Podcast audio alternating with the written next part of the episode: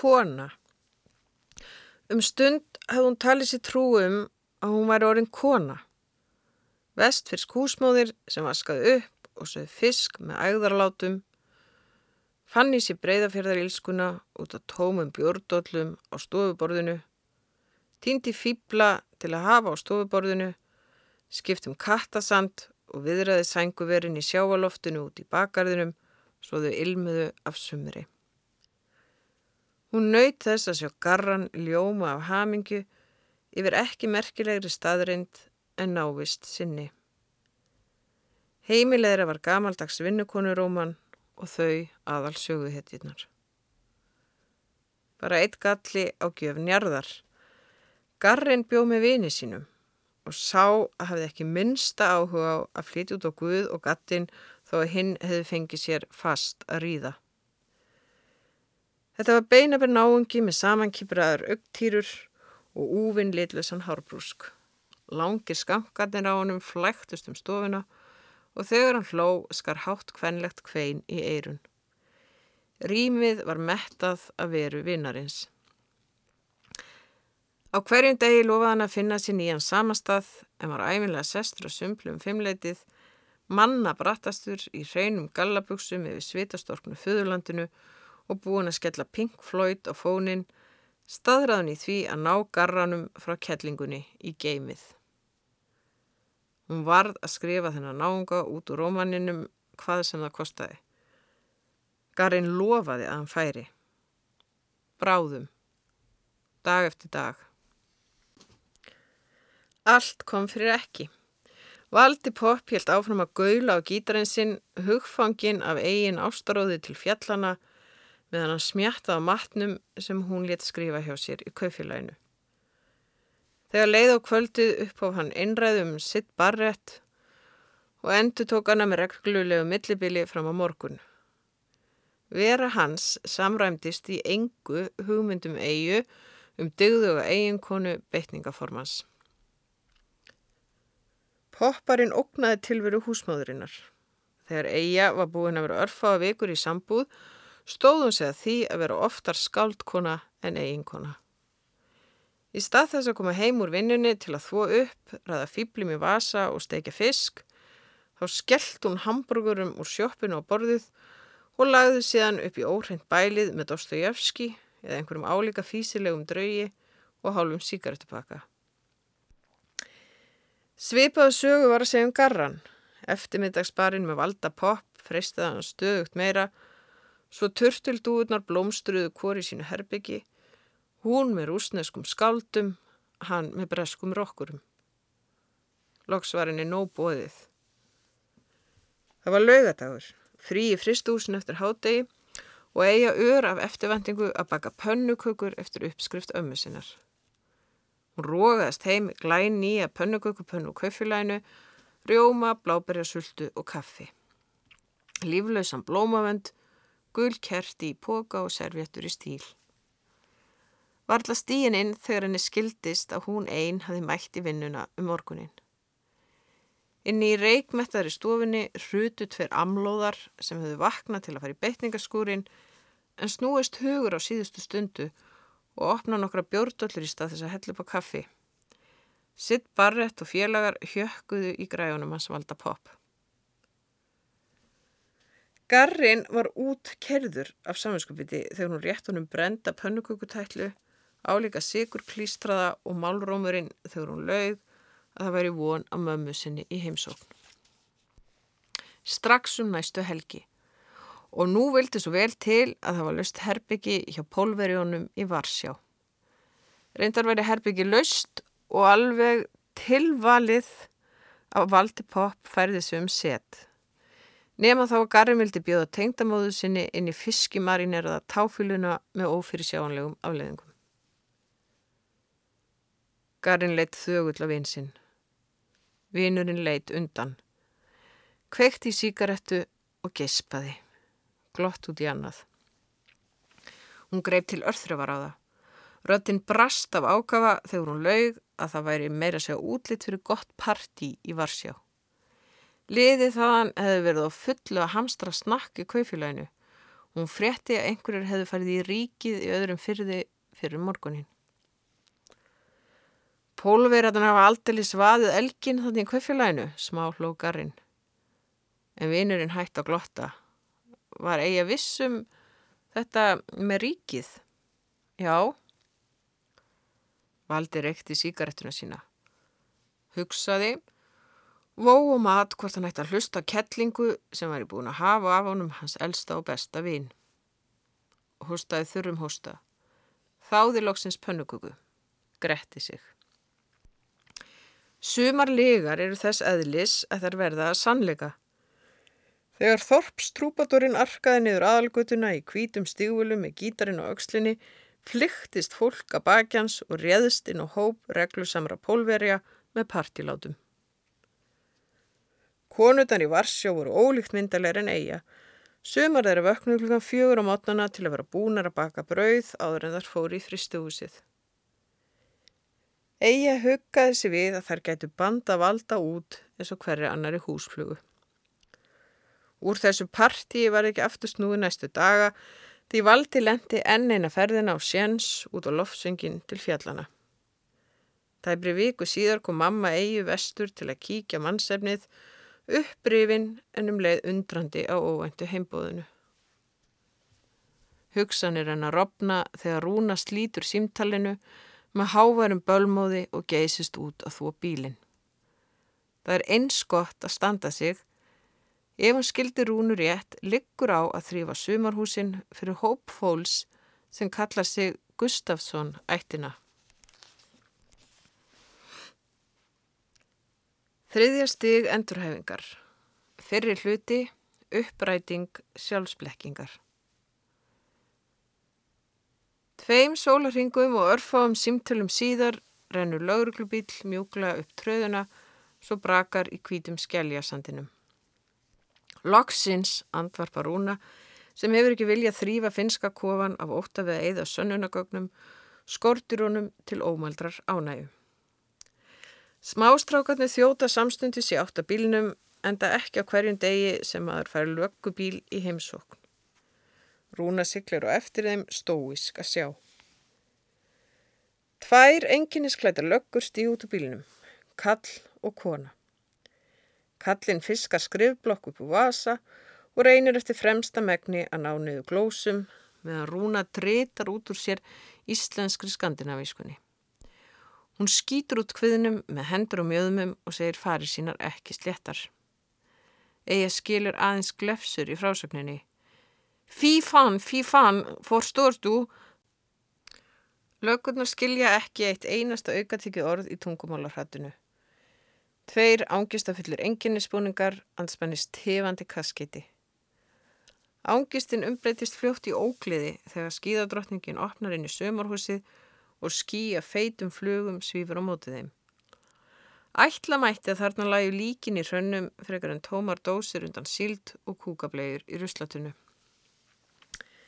Þegar þau koma aftur út, horfa lauruglutnar en þá skilningsvana á rúnu. Hvor mange gange skal ég segja þetta?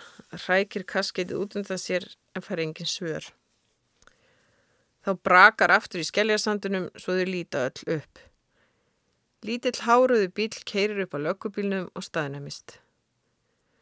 Lagleg hjón, ljós yfirlitum í ennþá ljósari sumafötum stíg út úr bílnum. Kallin veifa brosandi en konan opnar afturdittnar og hleypir lítilli stelpu út í sólina. Hún hleypir rakleðis að letilegum hestunum, pappin horfur á eftir henni áður en hann býður góðan daginn og spyr hvort það sé nokkuð möguleiki á að leia sumarhús svona spontant. Já, jújú, jú, segir Rúna og býður lauruglufólkið að hingra eitt augna blik. Þau kinka kolli og njóta þess að andað sér náttúrukyrðinni meðan Rúna hendir sér á eigu og kvíslar hátt að nú fá hún sko að spreita sig. Hvernig, spyr eiga gáttuð. Hún finnir fyrir svima í hittanum.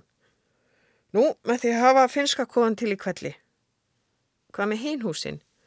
Við þrifum þau fyrir ættamótið. Hvað á ég að tönnlast ofta á því? Svona, afstað með þig. En sönnunagögnin, verð þú ekki að spá í það? Bara ekki spara sápuna. Eða það býða með hann? Ég býðum upp á íste. Eigi að rógast með skrúpa, sápudunga og fötu í sumarhúsið. Loftið inni metta sætum þefa barnakúki og beiskum svita. Á borðinu standa opna matarumbúðir þaktar flögum. Smuróstur, áastabúðingur, súrmjólk, brúnir eplabitar, leifar af síld. Hún finnur til ógleði og um leið stigvaksandi óta vegna ímyndaðrar óléttu. Sniffar af æjaksunni til að jafna sig og lítur út um glöggan. Lauruglufólkið hefur þegið ístiðið góða, annarkvar gerði óventur félagskapurinn útslæðið eða hítinn barði ofurliði meðan skandinaviskan hjó í hlustinnar. Egi fylgist með smástrákonum taka sér stöðu fyrir fram að gestina með ísteg á bakka og jarðaber í skál. Allt svo agalega lekkert ef ekki væri fyrir húsraðandan. Hún spíksporar í kringum fjölskylduna og löggurnar en þá óðamála með hendurnar á kafi ofan í vösunum og stuppbúksunum síðan rýfur hún þar snögt upp og bandar upp til himna bendir út á söður svo hann er erlendu gestir verða æringlaður að sjá, gjörsamla lost í heimalandi sínu. Lokkan er laungu hætt minnstu viðletnið til skýrsluskrifta en hjónin horfast í augu. Eija lítur aftur af þeim og skema ráðvilt í kringu sig, gráti næst. Hvar á hún að byrja? Það eru grunnsamlega feitar flugur inn á klósti. Best að byrja þar sem allt er verst. Samám saman rýfur hengerningin hana þannig að hún gleymir sér. Skrúpar og skúrar sem aldrei fyrir. Hún er loksins að komast upp á lægi með þetta. Allt glitrar og gljáir þegar hún að þeysist inn og fussar og hún sé ekki hægt. Hvað meinaru, hvað er eiga, fyrður lostinn enþá með tuskuna á lofti. Þú var svo lengi að þau eru farin. Farin? Já, þau fóru bara. Máttu ekki vera að því að býða. Þau voru í fríi. Þau geta farið að synda eða eitthvað. Þau vildu komast inn í húsi sitt og þú varst of lengi. Forstortu! Þú ert verri en strákpjakkaðin hitt hérna inni. Kant ekki neitt. Nei. Það þýðir ekkert að kasta til höndunum. Til þess að læra hlutina þá þarf maður að vanda sig. Svo í vorkinni er ekkit að hlusta á skaminnar í mér. Það er ekki nóg að þykjast geta. Maður verður að skilja hvað þarf að læra betur. Hvernig heldur að mér hefði reytt af í skýðabrekkunum ef ég hefði þóst kunna allt? Nú þeir eiga. En það fátt annað að gera en kingja niðurlægingunni. Eftir óþægilega langa þögn muldrar hún, hvað með lögguna? Hvað með lögguna hvað? hreytir hún út sér. Hvað sagði löggan? Það er varðlað þetta standundi nafni, svarar Rúna. Bölvaði rassistar. Horfiði í kringum sig eins og halvitar. Þömpuðu teð og fóru. Ætlaði ekki að gera eitthvað? spyr Eija. En Rúna nennir ekki svara. Búin að fá nóga vittlisinsgangi þennan daginn og strunsar út að fá sér sjús. Á trúnó með Guði og Láru nektadansmei. Smástrákarnir grilla svínakótulettur á flunkunni að gasgrillinu og eiga byrti salat úr jarðaberjum, appelsínum og grænu salati. Þeir vilja alls ekki dressingu svo þau borða salati þurft en kjöti löðrandi í barbekjúsósu. Setjast með diskan út í grasið og banda frá sér moskitoflugum með þau klára 2 lítra kóki og kæfta svo mikið að eiga gleymir bæði rúnu og garranum. Hún leiðir ekki einu svona hugan að þeirri undaljú staður eind að það verð ekki heyrst múk frá honum í tvo daga en þið gaman að kæft um tetris og treinspotting við kafrjóða smástráka. Kvöldrúðin er notalugur, sólinn dóla letilega yfir vatninu. Það er enþá bjart þegar skíðadrottningin sest út til þeirra í ljósbleikum sumarkjól með rauðum blómum búin að smyrja tilbúðsvaralitnum á varirnar og sleikja drengjakollin aftur. Beri legginir eru brúnir og gljáandi eins og unglingstelpu. Íþróttamannslegu vöxturinn nýtur sín í kjólnum. Hún er sætt. Þau horfa á hann að súpa á rommi í kvöldu kóki og næla í kótilettu að bíti.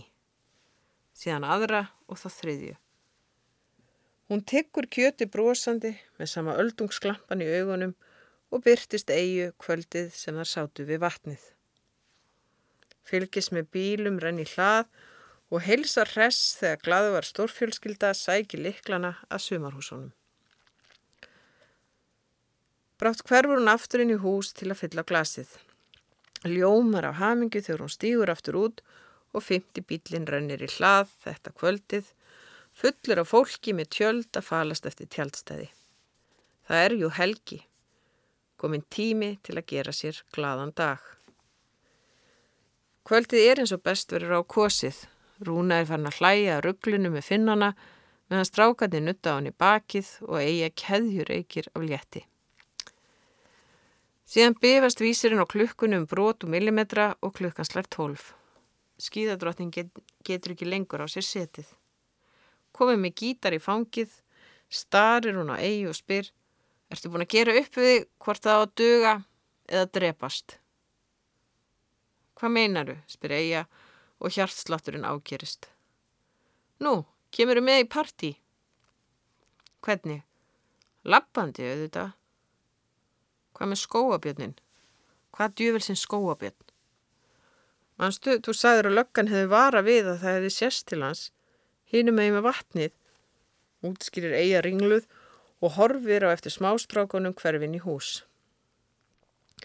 Rúna glennir upp augun.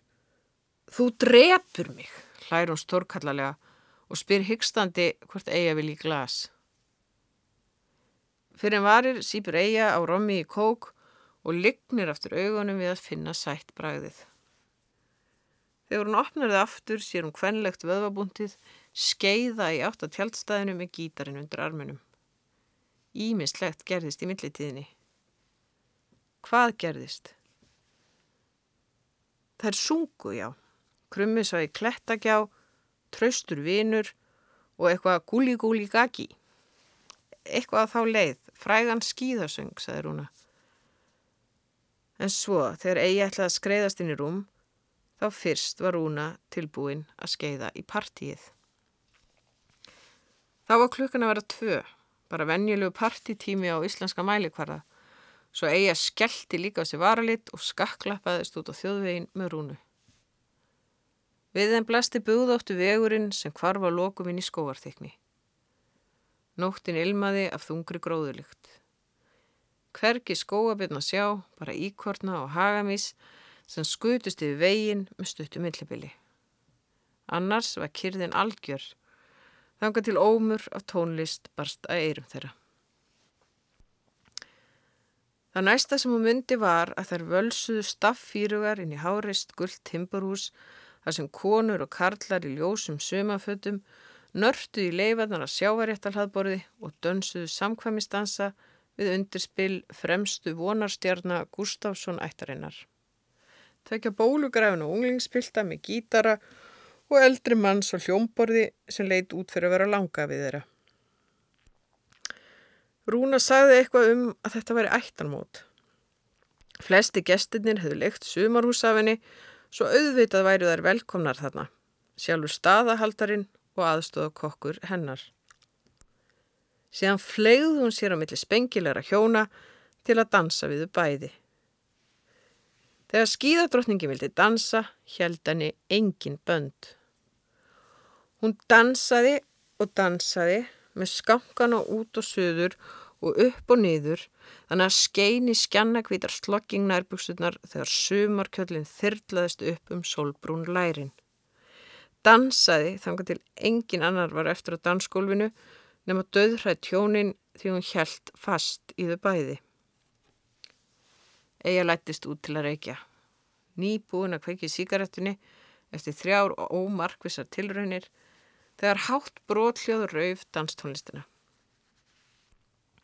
Ögnablikki síðar geistust þrýr fílöldir kallmenn út dittnar með rúnu á milli sín og flegðin út í möluna svo hún fleitti kettlingar nokkra metr út í sumanóttina sem var orðin svo björnt að skar í augun.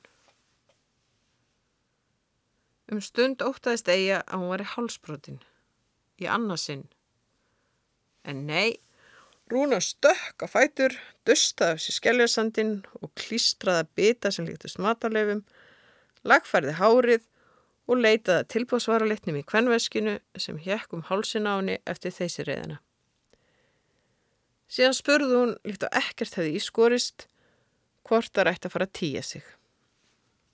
Þær gerði það. Hún blótaði rösklega þennan stuttaspotta heim.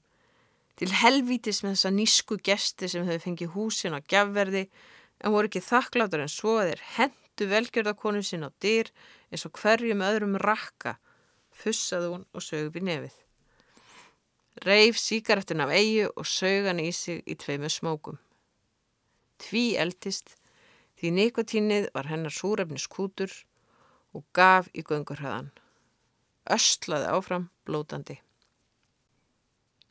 Eija hjælt í við hana upp tröðina en ekki lengur. Hún lippaðis niður á viðarstapla þegar Rúna fór inn að leita gítarnum, staðræðan í því að leita uppi þakklátari gesti á tjaldstæðinu, einhverja sem kynnu að meta heimsókn íslenskrar fjallakempu. Býttu bara þanga til þetta fólk heyrir krummisvægi klettagjá, var það síðasta sem hún sagði áður en Eija opnaði augun. Það var þá. Nú bera svo hávar óp frá tjaldinu að það sést undir illjarnar á Eiju á leiðininn í hús. Hún var búin að gleima skóabitninum, getur verið varla. Rópin hafa lotið í lægrahaldi fyrir ramfölskum söng. Hún flýti sér að loka glukkanum og gæti þess vandlega að líti ekki niður á tjaldstæðinu þegar hún velur disk úr Beethoven-safninu af handahói. Opnar aðra kvítinsflöskuna, nartar í rökkbröð með kvítlöksósti og hugsaður um hvaða sé skrítið að garrin geti bæði verið nálagt henni og langt í burtu á sama tíma. Hvað myndi David Lynch segja við þessu öllu? Spyr hún Láru innrammað á viðarvegnum og um leið fallast henni hendur yfir að vera ekki eins smjó og nektadansmærin. Rítuhundar eiga ekki að vera feitir, heldur mjóir og þrungni leindadómum eins og nektadansmær. Helst með langa útlimi eins og Pól Oster og útstað augu í kinnfiskasokna andliti eins og Frans Kafka. Þeir eiga tín út í sér orðin með ofurmannlegri reist og valda andlegu sáðláti. Óræðar á svip en nektardansmærin, sekundubroti áður en hún kasta nærbyggsónum. Það er líka fínt að minna á Kleopetru, svipa á ásta segurðar. Þá mann eigi eftir fei veldon og sapnar í sig kerki til að opna stílabók. Nartar í pennan og horfur upp í logandi skæran morguróðan skrifar Guð, viltu hjálpa mér að finna réttu orðin? En himnatengingin er ekki með besta móti. Raunar svo slög að himnesk tónlistin hljómar eins og surg.